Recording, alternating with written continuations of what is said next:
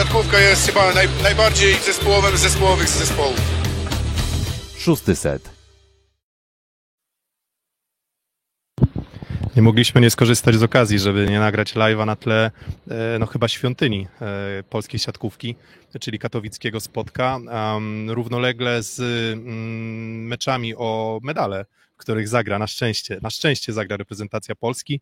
Będzie toczyć się też e, rajd Śląska, za nami też jakieś tam targi górnicze, ale no my oczywiście będziemy rozmawiać o, o siatkówce, o tym meczu kapitalnym, fenomenalnym, nieziemskim wręcz e, meczu, w którym Polska okazała się lepsza od USA. Dajcie znać oczywiście, czy nas słychać. Powinno być nas słychać, mikrofon powinien działać, ale mamy nadzieję, że, że żadnych problemów technicznych, e, technicznych nie będzie.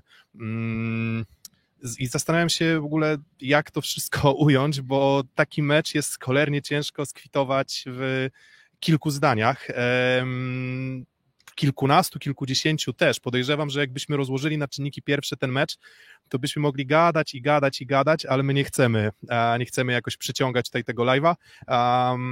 mamy nadzieję, że nikt nas tutaj nie zdejmie i nie powie, że zaburzamy jakoś bezpieczeństwo albo że nadużywamy tutaj praw do e, pokazywania spotka, ale wydaje mi się, że nie. Um, było zabytek. Tak, było, tak, było, nie było, było, nie było zabytek, um, no ale dobra, e, startujemy, mówimy o tym meczu i no chyba w słychać było mm, ciężar e, opadający z nas wszystkich e, w Gliwicach i chyba w całej Polsce, we wszystkich domach, w momencie, w którym po tym no, chyba jednak trochę nieudanym czwartym secie obejrzeliśmy ten mecz jeszcze raz z Filipem, więc już na chłodno. Jesteśmy w stanie też jakieś dodatkowe wnioski, e, wnioski wyciągnąć, no ale właśnie Filip, co w zasadzie zadecydowało, bo, bo, trudno wskazać chyba taki jeden konkretny element, w którym okazalibyśmy się lepsi, lepsi od y, Stanów y, we wczorajszym meczu. Wszystko było bardzo równe. Mm, gra fantastyczna, z wydawałoby się trochę chwiejnego przyjęcia. Obaj rozgrywający byli w stanie fantastycznie prowadzić side-out. Um, pojedyncze bloki, pojedyncze breakpointy decydowały tak naprawdę i ja mam takie poczucie, że jeżeli mam wskazywać na mecze takie najlepsze, jakie w życiu widziałem, to one zazwyczaj właśnie z tym mi się kojarzą, czyli z tym, jak bardzo, bardzo ciężko jest wyszarpać sobie pojedynczego e, breakpointa co tak naprawdę ja nie wiem od czym mam zacząć, bo jest tyle wątków, które można by poruszyć, więc próbuję sobie gdzieś w głowie wylosować. Powiedziałeś o przyjęciu, więc od razu zapaliła mi się lampka, że nie ma sensu chyba oceniać z tego meczu procentów przyjęcia statystycznych, bo jak gdzieś tam się pojawiło w internecie, że Szodzi ma 30%, to się wydaje, że niedużo, ale jak śliwka, widzieliśmy... Śliwka 40, więc y, najmocniej obciążony w zespole i też można by wyciągnąć wniosek, że to jest taki, patrząc czysto na statystyki, parametr nijaki dość. Dość nijaki, a zwłaszcza ten Szodzi, że oglądaliśmy ten mecz z trybun i mówimy cały czas, że szodzi, szodzi, już bez przekleństw teraz, ale mieliśmy go po prostu momentami dość. Jak on grał kapitalnie, co on potrafił zrobić, no ale zmieszałem do tego procentu przyjęcia, że mnóstwo piłek Amerykanie przyjmowali nie na siatkę, ale gdzieś w środek siatki trochę oddalone. I to, co było najgorsze dla nas, że oni z tego przyjęcia potrafili grać wszystko. Spadała piłka na trzeci, czwarty metr, gdzieś tam na linię e, trzeciego metra i Christensen mógł z tego zagrać wszystko, więc to w procentach e, przyjęcia nie ma sensu jakby tego meczu rozpatrywać. Po prostu, e, mimo że Amerykanie nie mieli idealnego przyjęcia, byli bardzo trudni do przeczytania, więc e, sprawa przyjęcia uważam, że nie było perfekcyjne w Stanach, ale i tak nie było też u nas, ale mogli grać wszystko. I środek, i skrzydła, dość szybko zdjęty e, TJ DeFalco, no ale Russell z Andersonem udźwignęli ten mecz, to bez dwóch zdań. I Gareth Mwagututia też wydaje mi się, że udźwignął ten mecz. On trochę grał tak czarno-białe, w sensie były rzeczy bardzo dobre, było kilka błędów własnych, mhm. ale ogólnie no, zastanawialiśmy się jeszcze w tym live po Polska-Tunezja z Kubą, jak my zareagujemy w ogóle na wprowadzenie Gareta Mwagututi. Um, zareagowaliśmy no tak sobie chyba. Tak, tak mhm. Powiedziałbym, że jednak, jednak tak sobie. Początek bardzo dobry, bo ustrzeliliśmy go skrótami. Tak, dokładnie. I, I, mam wrażenie w ogóle, że trochę tej zmienności zagrywki na, na Stanów nam jednak brakowało. Wydaje mi się, że jakbyśmy porównywali ten mecz z fazą grupową, to tam miałem wrażenie, że większa precyzja na zagrywce, uderzanie jednak w konkretnych kierunkach mocnymi zagrywkami. Semeniuk wtedy zamęczał Rasela, serwując na przykład mhm. po linii. E, w tym meczu miałem wrażenie, że jednak sporo tych zagrywek mm, szło po prostu, nie wiem, może trochę przed siebie. Nawet widzimy to w statystykach, że w meczu grupowym Russell i, um, i DeFalco przyjmowali zdecydowaną większość piłek. Teraz mam wrażenie, że nie wiem, czy to były zamierzenia taktyczne e, Grbicza, ale na przykład Szodzi już przyjął zdecydowanie większą, większą ilość, e, ilość piłek um, i jeżeli to robił, to, to, to, to wyglądał, wyglądało to dobrze.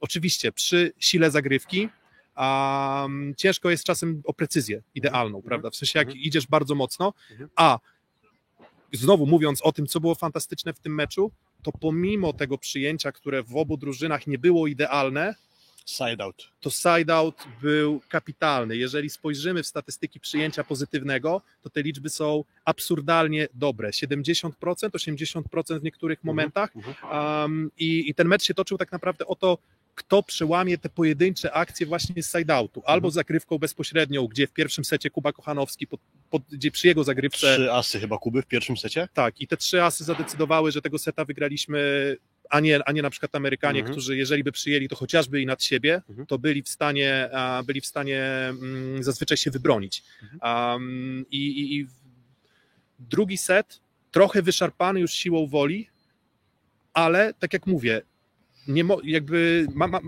w sensie można by spojrzeć na liczby i powiedzieć, jak to się działo, że z takiego, powiedzmy, nie, nie najlepszego przyjęcia nie było tak dużo szans na breakpointy, ale to wynikało z jakości indywidualnej graczy, którzy grali fantastycznie. 250 wykonanych ataków w meczu, 10 tylko popełnionych błędów bezpośrednich. Mhm. Złamanie któregokolwiek ze skrzydłowych Mhm. było koszmarnie trudne. Tak. E, Dużo się dyskutowało o Andersonie, o tym, że on może nie do końca jeszcze jest w takiej formie, jak powinien, no ale wczoraj grał świetnie, zwłaszcza ten trzeci set, Tak. gdzie on grał po prostu wręcz bezbłędnie. No, Tak, Co dostawał piłkę, to gdzieś tam po rękach wysoko był w stanie obijać, więc e, tak, przez strefę, przez strefę skrzydłowych dużo, Mhm. dużo było ataków takich, że on po prostu już nie szedł do skosu, Mhm. tylko próbował iść gdzieś tam przez prostą i przełamywał ręce po kolei wszystkich w zasadzie naszych, e, naszych Mhm. e, skrzydłowych na bloku. Nie mówię skrzydłowych, że tam kurka czy, czy, czy, czy przyjmujących, Mhm. tylko również Marcina Janusza.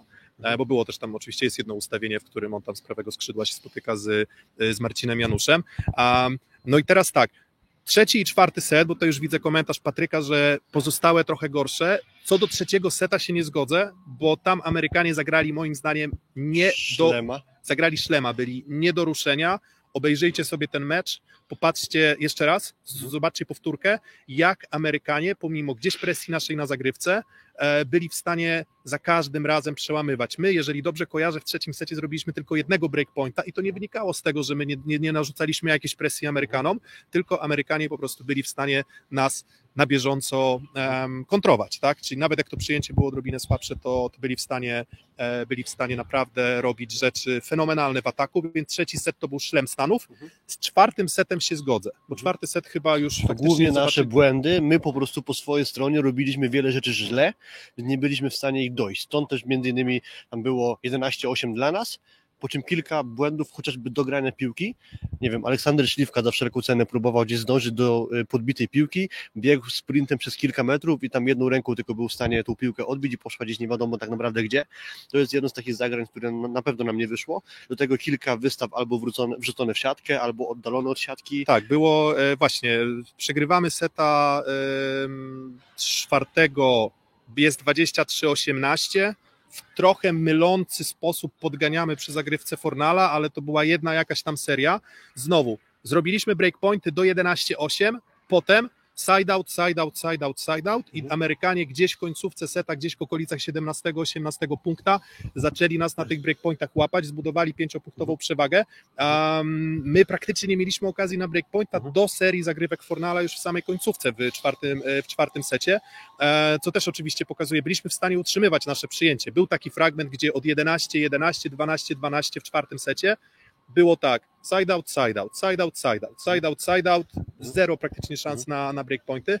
E, Amerykanie te, te, te szanse zdobyli, ale tak jak mówię, oni też je zdobyli, tym razem w czwartym secie nie tylko grą e, Swoją. swoją Po prostu Ale- pomogliśmy. tak, i były, mówię, znowu, jak zobaczyliśmy na nagraniu, Olek Śliwka wystawia piłkę do Tomka Fornala, sytuacyjną, przyjmuje, bo Olek Śliwka zwrócił uwagę też, że bardzo często przyjmuje te drugie piłki poddaje ją do Tomka Fornala, ona jest oddalona od siatki, skacze potrójny blok, Tomek Fornal trochę nie ma co z tym zrobić, uderza o blok i zablokowane. Dalej, kolejna piłka, Olek Śliwka wystawia drugą piłkę, żeby nie było, to nie jest tak, że się tutaj cokolwiek mówimy, bo Śliwka zagrał bardzo dobry mecz, Tak, Ale- do tego jeszcze dojdziemy, ale jeżeli chodzi, o, jeżeli chodzi o czwartego seta, to kolejna piłka, Olek Śliwka wystawia drugą piłkę, przeciąga ją na drugą stronę siatki, Mhm. do Bartosza Kurka, próbuje na prawe skrzydło, nie wychodzi mu to. Kolejna piłka, Olek Śliwka biegnie przez stałe boisko, zderza się z Mateuszem Bieńkiem, który trochę mu przeszkadza w odbiciu piłki sytuacyjnej, więc w zasadzie można powiedzieć, że trzy takie sytuacje, patrząc na wynik seta, trochę zadecydowały, bo potem Amerykanie dość swobodnie wyprowadzali z tego akcję.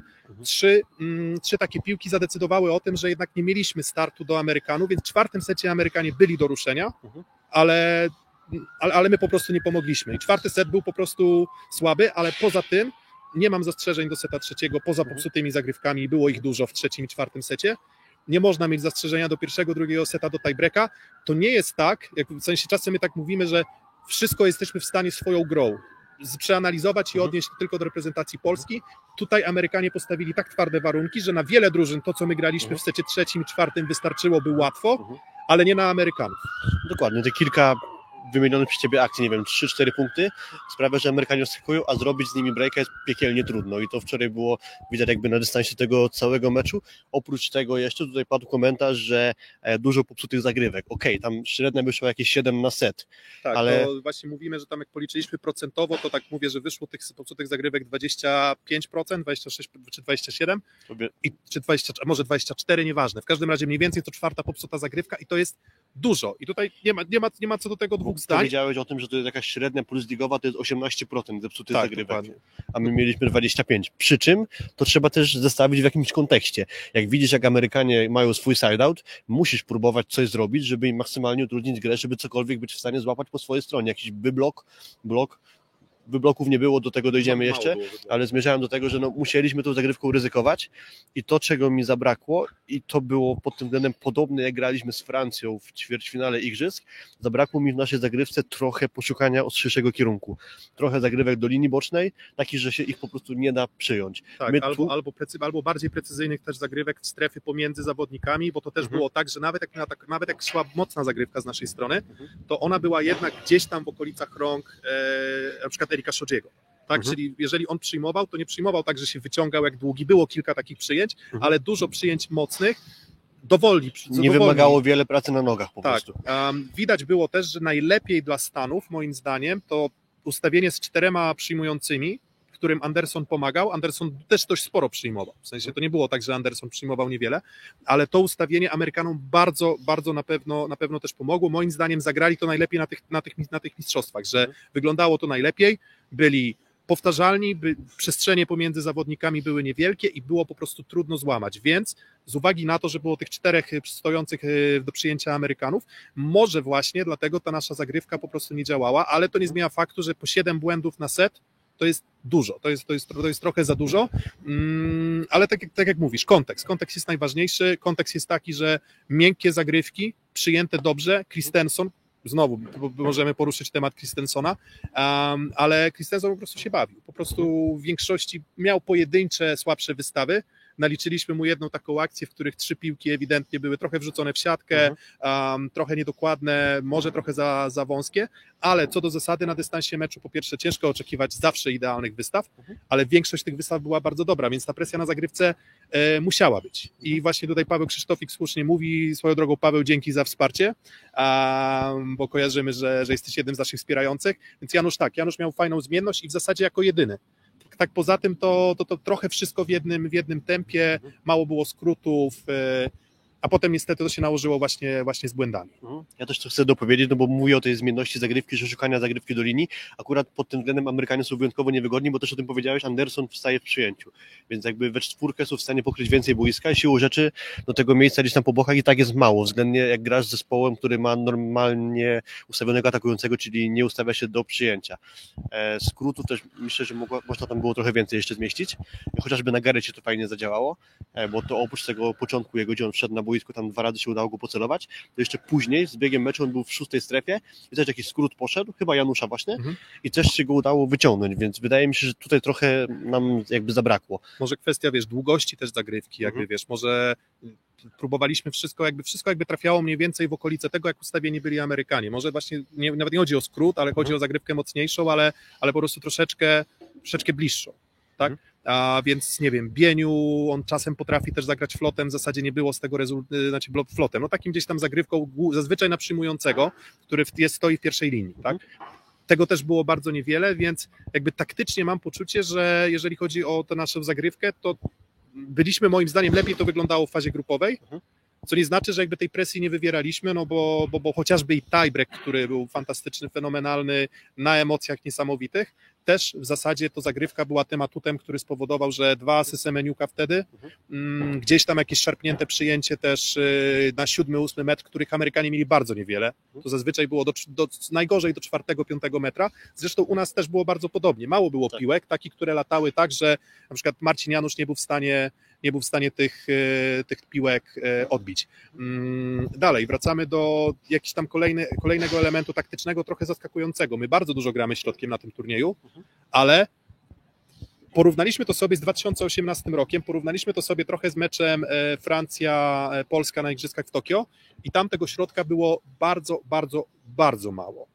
Um, tutaj zagraliśmy chyba 20, właśnie, bo może ja myliłem te błędy przyjęcia, chyba 27% piłek, czyli praktycznie co czwarta piłka, z wydawałoby się przyjęcia takiego nie, nieoczywistego, szła właśnie do środkowych i to było bardzo zaskakujące. W sensie ja myślałem, że nie da się z Amerykanami grać w taki sposób, ale ewidentnie sztab Grybicza mam wrażenie, że też zauważył, że Jendryk i Smith a, znaczy, albo zauważył to, że Kochanowski jest w fantastycznej formie, bo z tym tempem Bieńka i Janusza były problemy, ale albo zauważył, że Kochanowski i Bieniek są w dobrej formie ofensywnej, więc i tak sobie poradzą jeden na jeden, albo po prostu zauważył jakąś słabość wśród środkowych Amerykanów, na przykład wynikającą, nie wiem, no, z parametrów fizycznych. Jendryk na przykład, miałem wrażenie, że skakał dobrze, ale co z tego, skoro Kuba Kochanowski w zasadzie potrafił go ośmieszyć Wiesz, wybranymi kierunkami. Jasna jeszcze taka jest jakby reguła, że mimo, że środkowy dobrze zareaguje, to zawsze atakujący ma przewagę, więc jakby tu jest, powiedzmy, spada prawdopodobieństwo, że skończysz akcję, jak ci środkowy dobrze skończy, ale mimo wszystko masz przewagę nad blokującym zawsze. Tutaj to było wykorzystywane.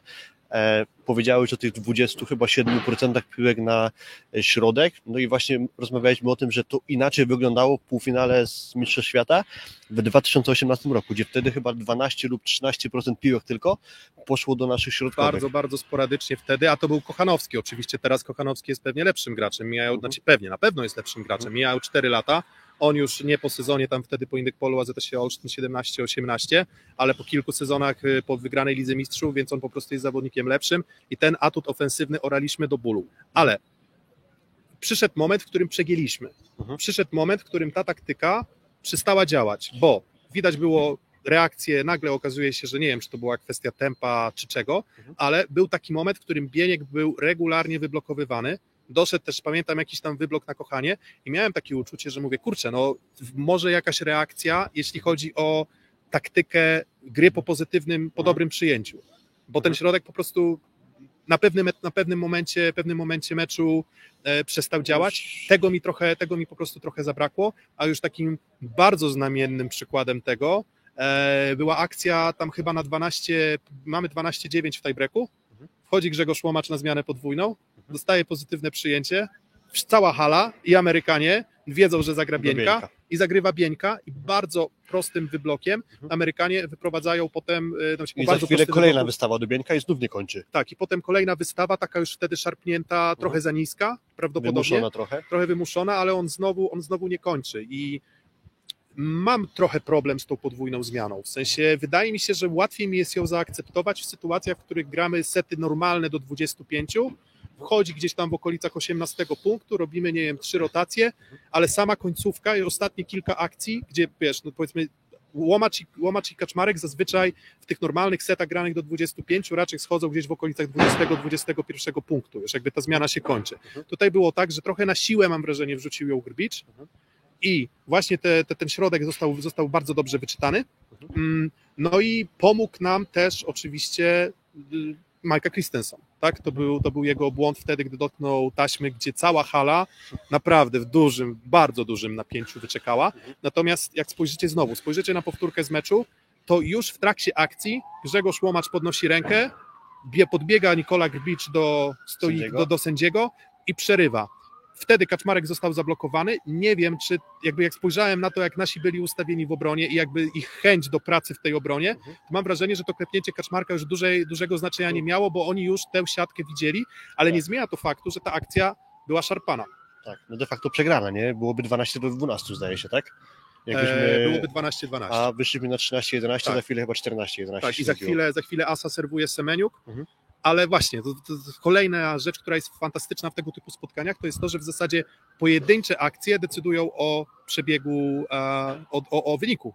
Tak naprawdę, gdyby nie to dotknięcie siatki, no to byłoby 12-12, co nie oznacza, że my nie, nie bylibyśmy w stanie wygrać, ale ten taki rozpęd momentum zdecydowanie byłoby na korzyść, e, na korzyść Amerykanów, więc trochę szczęścia, owszem, bo, bo, bo, bo, bo, bo Micah Christensen nie popełnił ani jednego takiego błędu w trakcie całego meczu, więc tych akcji było set, a, a on popełnił akurat w tym jednym konkretnym momencie ten błąd. Trochę nas to uratowało, ale, ale, ale właśnie. I coś, co było fajne akurat jeśli chodzi o tego tiebreaka i wybory, wybory Grybicza, to wraca Semeniuk.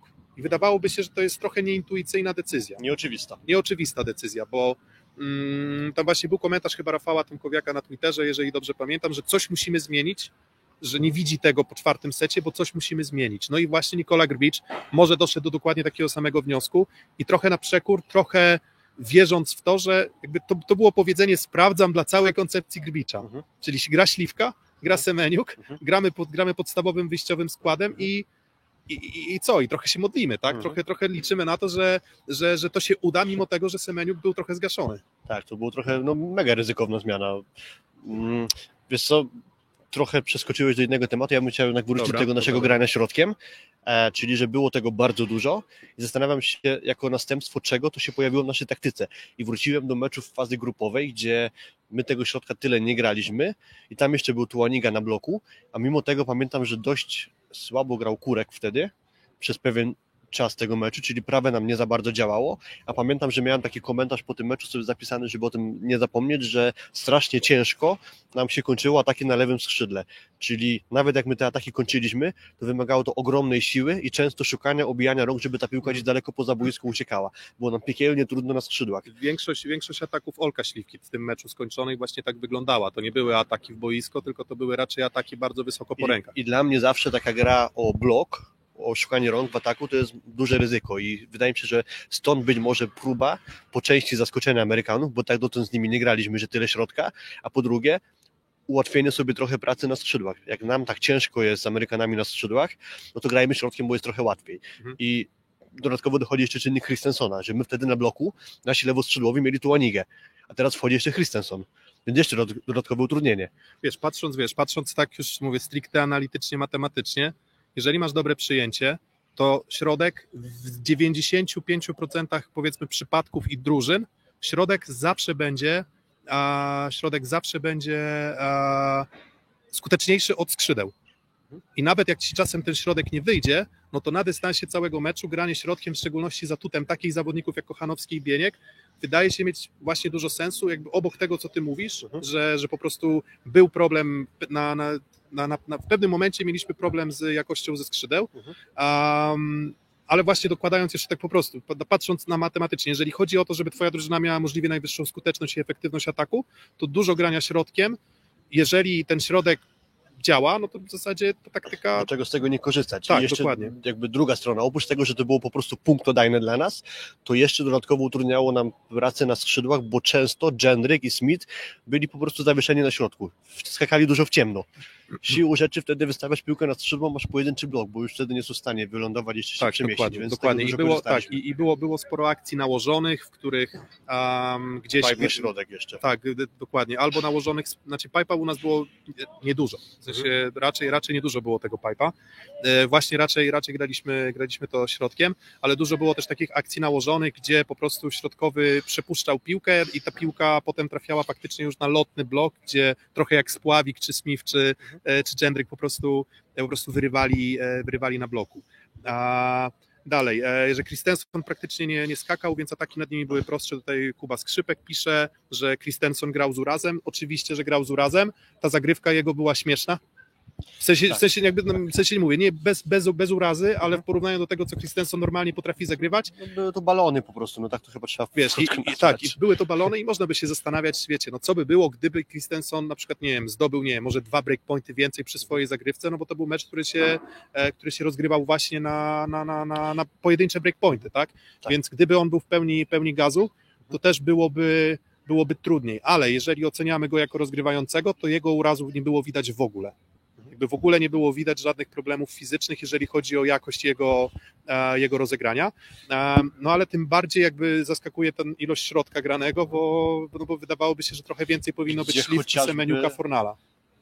Okej, dobra, to ja myślałem, że chodzi ci o granie środkiem Amerykanów, bo z kolei też było dla mnie zaskakujące rola Smitha w ataku, czyli on bardzo mało piłek dostawał, Mhm. Gendry zresztą też, gdzie sobie przypomnę, byłem dwa dni wcześniej na meczu e, Amerykanów z poczekaj, Amerykanie grali ćwierćfinał, e, znaczy E, jedną ósmą z z Turcją. Turcją. Turcją. Mhm. Znaczy nie byłem na tym meczu, dobra, chodziło mi o to po prostu, że widziałem ten mecz, że Widziałeś. mi się, tych meczów widzę tyle, że mi się po prostu mieli. E, Nie, chodziło mi o to, że Smith zdobył tam chyba 18 punktów bodajże. Tak. Czy tam było Tak, tak, tak. mega dużo. 14 na 17, jakieś 4 Jakoś bloki, tak, więc jakoś ale tak. ogromna skuteczność, więc może to też wynikało z jakości indywidualnej jakby naszych środkowych. Może Mhm. parametry fizyczne, tempo, sprawność, w ogóle Bieniek kapitalnie reagował. Sześć bloków punktowych to chyba pewne truizmy e, takie, że na przykład Ma- Mateusz Bieniek nie ma bloku, Mhm. też trochę są obalone w trakcie tych mistrzostw, bo reaguje kapitalnie. W sensie to nie są bloki, jak to czasem bywa, że um, ktoś tam właśnie podał przykład Mateusza Sacharewicza, że był taki sezon, w którym on był chyba najlepszym blokującym, na, jeżeli chodzi o bloki punktowe na set. Mhm. Tyle tylko, że ktoś tam zwrócił uwagę, już nie pamiętam, chyba Kuba Bednaruk, ale chyba też z Oskarem Kaczmarczykiem na ten temat rozmawiałem, zwrócił uwagę, że on łapał te bloki punktowe na równo skaczącym podwójnym albo potrójnym bloku na piłce wysokiej. Wtedy kapitalnie układał, układał ręce. To nie były takie bloki. Bieniek te bloki wyszarpywał trochę sam. Tu zareagował do krótkiej, tu zareagował do pipa, więc e, to też w ogóle nie- nie- niespotykane, niespodziewane, niespotykane. Nie wiem, jaka zmiana nastąpiła e, w głowie Mateusza Bieńka, ale on naprawdę na bloku na tym turnieju wygląda, wygląda świetnie. z takich niuansów jeszcze, no to okej, mówiliśmy o tym Christensonie, że jego zagrywka była słaba, a wchodzi za niego nawet Tuaniga na zagrywkę. Sensie, że zmiana zadaniowa na zagrywkę, wchodzi Tuaniga, gdzie on nie ma planującej zagrywki i po pierwsze on nie ma przede wszystkim punktowej, w sensie on nie serwuje asów raczej, tylko po prostu stara się jakoś tam trudno zagrać albo taktycznie. Jest to tyle dziwne dla mnie, że można powiedzieć, że Tuaniga też jest słaby w obronie. Też taką opinię słyszeliśmy bardzo niedawno.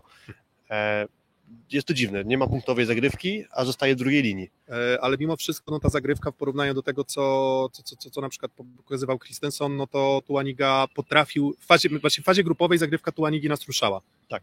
Więc myślę, że to też była trochę jakby wiara w to, że, mm, że, że ta zagrywka też będzie działać, ale oczywiście co do zasady, fajnie jest mieć idealne rozwiązanie, czyli idzie ci gościu na zagrywkę, który dodatkowo jeszcze ma Obrony. rzut obrony, ale mm, no ale szukał, szukał też, szukał też e, John, John, John Sparrow.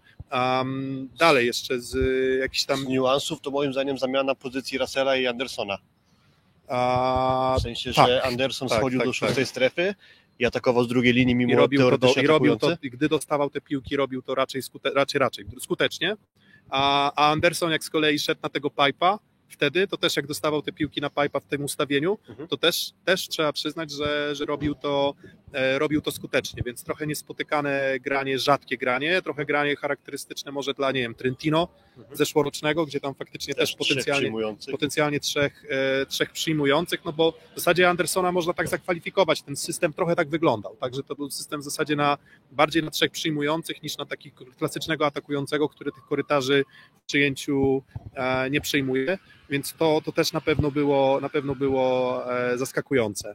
Mm, Moglibyśmy się produkować chyba jeszcze długo, długo, długo i długo, ale ciekaw, jest, ciekaw jesteśmy też oczywiście waszego zdania, tak? Na zasadzie Um, czy są jeszcze jakieś tematy, które Was zaskoczyły w tym meczu? Um, myślę, że i dalej, jeszcze jakbyśmy oceniali po kolei zawodników, z Kurkiem miałem jeden problem, a mianowicie taki, że miałem poczucie, że on atakował skutecznie, no bo to wychodzi, wycho- wychodziło w liczbach, Tak. ale miał momenty słabsze i miałem takie uczucie, że on nie decydował o obliczu gry. Że są takie mecze, w których masz poczucie, że Kurek przejmuje piłki sytuacyjne, decyduje o kontrach. Mm, Tutaj nie miałem takiego poczucia, że on był istotnym elementem drużyny, ale nie był jak dla mnie elementem drużyny najważniejszym od właśnie, nie wiem, czyszczenia jakichś tam niebywałych piłek sytuacyjnych. Raczej, jeżeli dostawał piłki, to miałem wrażenie, że były to piłki gdzieś właśnie po dobrym przyjęciu, tempowe, a nie wysokie piłki. Pod, trochę na podwieszone. bloku i też jest temat zepsute zagrywki Kurka, w ogóle temat jego zagrywki. Zepsuł chyba sześć, ale też robił mało krzywdy. W sensie nie Tak. było tam takich zagrywek, po których Amerykanie by gdzieś musieli szukać piłki na bandzie. Sporo Zero było, sporo, było, sporo było po prostu klepnięć, nie Mhm. wiem, z prędkością, nie wiem, 95, 100, 105 może na godzinę, Mhm. które e, dodatkowo jeszcze trafiało idealnie w, na ręce przyjmujących. Tak. Więc nie, tak, zgo- zgodzę się, że w ogóle temat właśnie zagrywki Bartka Kurka jest o tyle problematyczny, że on chyba nigdy nie miał fantastycznej zagrywki. W sensie ja nigdy, nigdy nie kojarzę, za- zazwyczaj kojarzę, że była to zagrywka trochę nieregularna, nie wiem, czy są jakieś jeszcze zaszłości historyczne, czy kwestia wyrzutu, czy czego, ale faktycznie Bartek Kurek nie był dla mnie a, nigdy jakimś takim fantastycznym tytanem, e, jeżeli chodzi o element zagrywki. Więc w ataku dobry mecz, ale, ale, ale nie był to mecz, w którym on był jakimś Muszę takim absolutnym, absolutnym dominatorem. do gry jego w ataku. Znaczy co do jeszcze jego zagrywki, to myślę, że miewał dużo lepsze mecze w fazie grupowej, więc skoro gramy tutaj, to może ta hala mu lepiej posłuży do zagrywki. A co do jego gry w ataku, jeszcze to liczby super. Właśnie nie miał takich kluczowych piłek raczej wystawianych. Parę było na pewno, ale nie był to taki nasz ko- koń pociągowy gry w ataku. I to, co mi się rzucało w oczy, mam wrażenie, to źle zabrzmi oczywiście, że on nie grał jak klasowy atakujący, bo strasznie dużo piłek ładował ani po prostej, ani po ciasnym skosie. Mhm. Czyli tak trochę jak przed siebie. I Tak. gdyby nie jego dobra fizyka i siła uderzenia i to, że dostawał piłki na lotnym bloku, to zanotowałby dużo gorszą skuteczność. Myślę, że niespecjalnie się wysilał, jeśli chodzi o utrudnianie swojego ataku. To działało, to było skuteczne, ok, ale myślę, że to jest dość ryzykowne tak, granie. tak. I, I jakby to było skuteczne, ale zwróćcie uwagę, był taki moment, w, już to był chyba set trzeci lub czwarty, w których Kurek dwa razy wykonuje ataki miękkie, w zasadzie w żadnym kierunku, które z uśmiechem podbija Christensen. Mhm. One nie miały mocy, nie miały kierunku, Mhm. nie miały, jakby nie, to, to, nie były, to nie były dobre uderzenia e, Bartka, więc mówię, czasem jest tak, że w zależności od tego, jaką piłkę otrzymuje zawodnik, no to można oceniać jego atak jako dobry albo zły. On po prostu, po, po, czasem podejmujesz ryzyko i mylisz się, nie, mylisz się nieznacznie. Mhm. Tutaj było tak, że miałem wrażenie, że, te, że kilka tych ataków było po prostu miękkich. Był, był moment, w którym Bartek Kurek też po prostu się, się odrobinę zaciął. No i coś, o czym na pewno też trzeba powiedzieć, czyli postawa Olka Śliwki. Um, znowu, statystycznie, jakbyśmy spojrzeli na przyjęcie, no to znowu wracamy do tego, od czego zaczęliśmy live'a, że nie był, nie był to pewnie mecz idealny, Mhm. ale zwróćcie uwagę, ile przyjęć na 3,5 metra właśnie zaproponował Olek Śliwka, że Mhm. wiele tych przyjęć było na tyle dobrze skontrowanych, że właśnie to, co mówiliśmy, działało to dobrze. Mm, Dalej, skończony mecz i ten, taka, powiedziałbym już ikoniczna pewnie ta scena będzie, w Mhm. której e, Bartek Kurek e, pokazuje, że właśnie to jest on, tak, Olek Śliwka to jest ten zawodnik, który nie jest żadną koszulką, jak swego czasu takie określenie e, o Olku, Śliwku, o Olku Śliwce padło, Mm, więc Olek Śliwka pokazał, zdecydowanie pokazał nam wszystkim, że no, że, że po prostu jest, jest Fajnie to jest świetnym w wywiadzie, że Olek. Śliwka to jest za, zawodnik na takie mecze. Po prostu, na takie mecze na ciśnieniu, że Prawda. on jakby wszystko robi może nie idealnie, ale dużo robi dobrze, w sensie w różnych aspektach jest bardzo wszechstronny. Dokładnie. E. I, I tam pamiętam, że jeszcze Javier Weber swoją drogą akurat mieliśmy okazję zrobić sobie foteczkę z Johnem Sparrowem i Javierem Weberem, trwał mecz Brazylia-Argentyna, Tak. ale Javier Weber właśnie on powiedział coś znamiennego, że on do swojej e, on do swojej drużyny wolałby Olka Śliwkę na przykład, bo on uważa, że Olek Śliwka jest zawodnikiem kompletnym. I jest trochę tak, o czym my też mówiliśmy, jak wiecie, podsumowaliśmy na przykład rankingi najlepszych zawodników plus ligi. To tak myślimy, Olek Śliwka, no w zasadzie nie jest najlepszy na zagrywce, nie jest najlepszy w lidze na przyjęciu, Mhm. nie jest najlepszy w lidze w ataku, Mhm. e, nie jest najlepszy w lidze pewnie w obronie, kapitalna technika użytkowa, dobre odbicie, Mhm. reakcja i tak dalej, ale ale, ale jeżeli chodzi o takie wyrwane z kontekstu pojedyncze elementy, to nie jest to zawodnik, o którym powiedzielibyśmy, że jest topem światowym w którymkolwiek z elementów, ale wszystko ma bardzo dobre. W zasadzie trudno wskazać, znaczy dobre, do, bardzo dobre lub dobre. Mhm. I oczywiście z siatkówką jest też tak, że nie można oczekiwać meczów kompletnych. Zak, na przykład siłą Zaksy w sezonie ligowym jest to, że nawet jak jeden element nie działa, to ktoś był w stanie wziąć na, na swoje barki grę. Nie działał Kaczmarek, to przyjmował to Semeniuk, nie działał Semeniuk, to może bardziej Kaczmarek, tu się Huber włączał, więc jakby możliwość grania wszystkiego i taka kompletność w tym meczu właśnie też naszej drużyny wyszła, że w zasadzie w zależności od okoliczności, no mamy narzędzia, żeby taktycznie dostosowywać się, e, żeby taktycznie dostosowywać się do, do, do rywala też, tak? Jakby to nie musimy, to nie jest tak, że e, to rywal musi zareagować na nas, a nie tak, że my gramy jakby zawsze w swoim stylu i jesteśmy czytelni, tak? Nie mam poczucia, że jesteśmy czytelni. E, Ciekaw jestem, co nam zaproponuje mecz, e, jaką taktykę zaproponuje Grbic też na mecz e, z Brazylią, no ale o tym pewnie jeszcze zdążymy porozmawiać sobie pewnie jutro. Co, nie wiem, czy będziemy już kończyć właśnie może temat meczu z Amerykanami, może krótko właśnie o Brazylii, bo, bo to też nie jest tak, że my wczoraj wygraliśmy z Amerykanami i już jesteśmy głównym kandydatem do złota, bo Tak, mimo wszystko, mistrzami świata!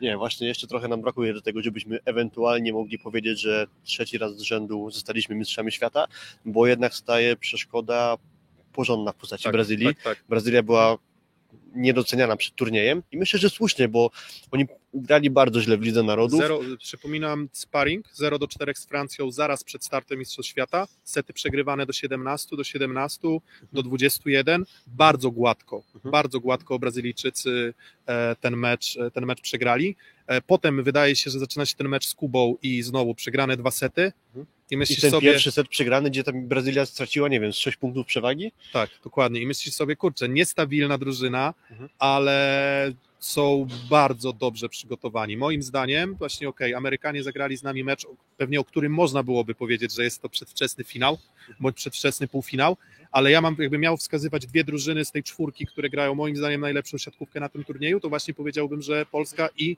Brazylia właśnie.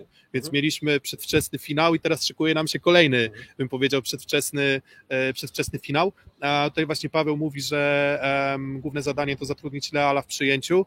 Oczywiście, że tak, Pełna jakby, zgoda. jakby pełna, Pełna zgoda, zgoda. No. e, pełna zgoda, tyle tylko, że Leal sobie nic nie robi z trudności piłek, które otrzymuje do ataku. W sensie on Musi wyglądać dobrze fizycznie, żeby mógł grać swoją grę, czyli gdzieś bardzo mocna, mo- mocny atak, po I prostu wygląda. gdzieś szukanie wysoko y, rąk, czyli atak na wysokim pułapie i jemu to wychodzi. On w tym turnieju wygląda dobrze fizycznie. Tak, i w ogóle cała Brazylia wygląda dobrze fizycznie, ale to nie jest tylko Leal. Mhm. Moim zdaniem właśnie Brazylia jest, co pokazał mecz z Argentyną. Można byłoby gdzieś tam w ciemno stawiać, że to Argentyna będzie tą drużyną, która lepiej gra w obronie, która lepiej reaguje na piłki trudne, na podasekurowanie kiwek. E, Brazylia to robi dobrze. Brazylia naprawdę dobrze gra, jeżeli chodzi o, o, o grę obronną, więc to, to nie jest tak, że tam, nie wiem, będziemy sobie wybierać dowolne miejsce, dowolny kierunek. Nagle Kochanowskiemu i Bieńkowi będzie skakał Lukas i Flavio o jednak też y, y, myślę znaczy, myślę, że ich atutem, albo na pewno atutem Lukasa jest też gra jeden na jednego na środku, więc myślę, że już tak dużo grania z Lukasem nie będzie, w szczególności Kuba Kochanowski, który jednak musi trochę uciec pewnie nabiegiem, e, trochę wy, wy, wyborem kierunku, Jakieś przesunięte, pewnie Tak. bardziej krótkie. dokładnie, ale, ale jeżeli chodzi o takie granie jeden na jeden, to, to, to z Lukasem już będzie zdecydowanie trudniej, z Flavio zresztą nie wiem, czy to jest jego atut, akurat gra jeden na jeden na środku. Em, No ale tak, ale wracając do Brazylii, jeszcze zanim tam będziemy rozmawiać, bo tam pewnie, nie wiem, jutro Kuba Lewandowski, znaczy jutro, dzisiaj przyjeżdża Kuba Lewandowski do Katowic, się wymienią. Robimy zmianę składu. Tak, robimy tak, e, robimy zmianę składu.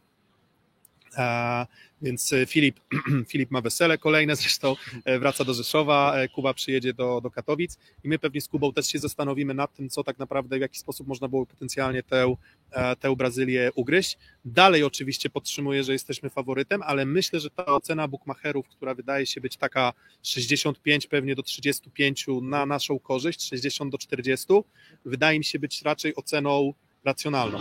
W sensie nie jest to moim zdaniem ocena przestrzelona. Nie jesteśmy takim absolutnie zdecydowanym, nieprawdopodobnym faworytem meczu z Brazylią. Jesteśmy faworytem, ale trzeba będzie się napocić, trzeba będzie się namęczyć. Um, trzeba będzie rozpisać Fernando i Bruno, bo Bruno też dał e, chyba dobrą zmianę w meczu z Argentyną, tak? Mhm. W sensie pomógł. Fernando miał taki moment, w którym chyba pięć bloków punktowych zebrała Argentyna. Tak, no i też co do Bruno, to akurat teraz się nie pomylę, we wtorek widziałem mecz y, Brazylii e, i tam było tak, że Bruno zaczął ten mecz na ławce i nie było tak, że ja wielki Bruno, jak mogę być posadzony na ławce i dobra, grajcie sobie beze mnie.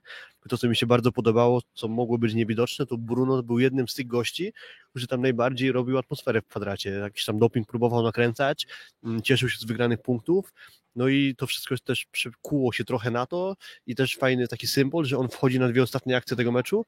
Najpierw jest y, break przy jego zagrywce i robi asa kończącego to spotkanie e, z Iranem. Mówię, nie wiemy, i teraz tak, można by się postawić w hipotetycznej sytuacji, co by było, gdyby na przykład taką rolę miał wypełnić inny zawodnik o nieco innym charakterze, kto potencjalnie mógłby takim zawodnikiem być, jeżeli chodzi o reprezentację Polski, to, to, to, nie, to, to, to nie wiem, ale tutaj ta hierarchia, jakby Bruno nie miał problemu ze zrzeczeniem się swojego miejsca w stadzie, o tak bym powiedział, tak? Czyli, że to miejsce w stadzie, powiedzmy, samca alfa na rozegraniu przejął właśnie Fernando, a Bruno wspiera go i, i, i wspiera całą reprezentację. Mówię, Brazylia, Brazylia będzie, będzie trudnym, e, trudnym rywalem a, i tak kończąc, e, typów może jeszcze nie, ale jak widzisz mecz e, Słowenia-Włochy. Mm, Dla Słowenii główna różnica to będzie hala, różnica w hali, bo myślę, że akurat ta słoweńska publiczność, jak generalnie nie jestem takim typem osoby, która by twierdziła, że trybuny grają wiodącą rolę w meczu, tak twierdzę, że akurat atmosfera w Stożycach i jeszcze ci charakter słoweńskich siatkarzy, trochę tacy bałkańscy wojownicy, to jednak ich y, mocno uskrzydla ta atmosfera. Jak przyjadą do Polski, to tylu Słoweńców już nie będzie, takiej atmosfery nie będzie, więc to będzie jeden z atutów Słowenii wytrącony. Mm, I mam trochę problem z Włochami. W sensie takim, że e, Ograli Francję. No. Ograli była Francję. też faworytem numer jeden i, I- była, wy- wy- dla większości osób była pewnie faworytem numer jeden do, co najmniej do finału.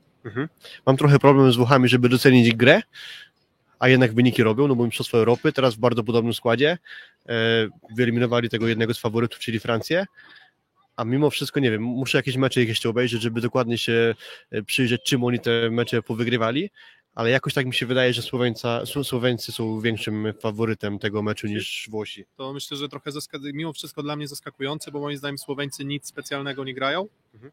Um, i, I chociażby nawet i ten mecz z Ukrainą, no, doprowadzenie do tiebreaka przez Ukraińców było w sumie niedalekie, Mhm. bo tam jeszcze ta seria podgoniła w końcówce seta e, czwartego, gdzie tam Olek Płotnicki podgonił, ale wydaje mi się, że jednak od drużyny, która byłaby lepiej przygotowana, spodziewałbym się, że tę Ukrainę jednak udałoby się zgasić jednak trochę łatwiej.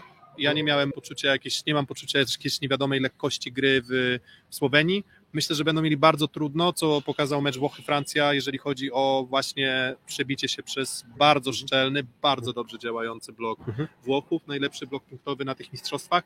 Francja sobie nie poradziła, więc nie mam też pełnego, nie mam też pełnego przekonania, nie mam też pełnego przekonania, że, że, że, że, że Słoweńcy na pewno sobie z tym wszystkim poradzą. Jakby Włosi też nie są drużyną kompletną. Też można wskazywać, że a tutaj Romano jest zawodnikiem, który raczej atakuje z piłek szybkich, że Micheletto i Lavia też mogą mieć problem czasem na, na, na twardym bloku, ale nie mam pojęcia, nie, znaczy nie uważam, że Słoweńcy mają tę właśnie swoją defensywną stronę gry na tyle trudną, żeby Włosi nie byli w stanie ich przełamać i jednak właśnie trzymać swój side-out. A jeżeli utrzymają swój side-out, to defensywnie myślę, że po prostu Słoweńców będą w stanie przełamać. Mówię, akurat tej części drabinki pozostałej niepolskiej aż tak dobrze rozpracowanej nie mam, więc ciężko mi tutaj przewidywać właśnie tę ścieżkę słoweńsko-włoską, ale może trochę mylący teraz jest z perspektywy czasu ten tiebreak Słoweńców z Francuzami, gdzie to był naprawdę kapitalny mecz, ale też wiemy jak Francuzi skończyli, czyli że to nie była ta drużyna, która powiedzmy jeszcze wygrywała Ligę Narodów, czy wygrywała Igrzyska Olimpijskie, więc być może ten wynik Słoweńców jest trochę mylący. Oczywiście, oczywiście. Nie no, pełna, pełna zgoda, dlatego, dlatego mówię, nie wiem, czy jeszcze poświęcimy jakieś tam dodatkowe nagranie na no, już taką bardzo dogłębną analizę tego, ale, Ale ale, myślę, że powoli też będziemy kwitować chyba, co? tak, jakby jednym zdaniem, gdybym miał podsumować, to uważam, że trudniej nam będzie wygrać półfinał niż finał. E, tak, tak, te- też, tak, też tak myślę i czasem tak się po prostu te drabinki układają, tak, że, że, że, że, że um, akurat tak się złożyło, że my trafiamy na USA, trafiamy na Brazylię. USA myślę, że gdyby grało z dowolnym rywalem z, ze składu Słowenia, Włochy, to z taką dyspozycją, jaką zaprezentowali wczoraj, to, to myślę, że, że byliby faworytem i mówię, myślę, że po- potencjalnie z tym, co, co momentami grali Amerykanie na przykład w trzecim secie, to znaczy w trzecim, w zasadzie przez większość meczu, to to, to bardzo niewiele drużyn było, byłoby w stanie ich przełamać, no i, i trochę wiecie, no ta klątwa ćwierćfinału, no i możesz być teoretycznie drużyną, która czysto sportowo jest drużyną, może num, pewnie numer dwa, numer trzy pewnie na tym turnieju, Mhm. Możesz zasługiwać w teorii na medal, jeśli chodzi o to, jak byłeś, nie wiem, przygotowany, jak zagrałeś w kluczowym momencie, Mhm. ale przegrywasz i w zasadzie wracasz z niczym. My się cieszymy, Mhm. że e, razem z Kubą będziemy w stanie oglądać e, ten mecz. Mamy bilety i na półfinał, i na finał. Nie udało się otrzymać akredytacji. Mamy nadzieję, że jeszcze przyjdą takie mistrzostwa, na które już ta akredytacja będzie nam dana bez specjalnego ale. A, a, a myślę, że jeżeli chodzi o tę naszą akredytację, to oczywiście pomogłyby nam wasze lajki, suby. Mamy takie małe marzenie, żeby dojechać do 2000 subskrypcji um, i jesteśmy coraz bliżej, więc tam chyba 9 już tylko zostało, więc jeżeli ktoś jeszcze nie subskrybuje, to dajcie tego suba, bo, bo po prostu chociażby i dla naszego poczucia mentalnego taki mieliśmy cel, żeby na tych mistrzostwach do 2000 dojechać, więc dawajcie tam nie... Ja nie, nie Pół żartem rzuciłem, że jak na koniec mistrzostw nie zrobimy 2000 subskrypcji, to usuwamy kanał, więc jakby ostrzegamy. Lojalnie ostrzegamy. Dokładnie, dokładnie, więc no, zobaczymy, zobaczymy jak będzie, natomiast e, teraz jeszcze Mistrzostwa Świata, a my kończymy live'a, jedziemy do Mysłowic na pierwszy sparring, e, jaki będzie. Zobaczymy plus ligowy, bo plus liga już się zaczyna wielkimi krokami, już w zasadzie za, już w zasadzie za trzy tygodnie będziemy grali pierwsze mecze plus ligi Mhm. i sparring GKS Katowice, Aluron CMC Warta Zawiercie, GKS mniej więcej w pełnym składzie, Zawiercie osłabione, jeszcze bez Kwolka, jeszcze prawdopodobnie, jeżeli dobrze kojarzę, bez Urosza Kowacewicza. Bez dana niego A, na bez, pewno. bez Dananiego, więc zobaczymy, co pokażą nam drużyny na tym etapie e, przygotowań. A, no i co, dzięki za dzisiaj. Popatrzcie jeszcze na s- katowicki spodek z zewnątrz, żebyście mieli poczucie tego, jak to, e, tego, jak to wygląda. I, I dzięki za dzisiaj. Mówię, łapka w górę, suby i, i dajecie. Dzięki. Trzymajcie się, do usłyszenia, cześć. Cześć.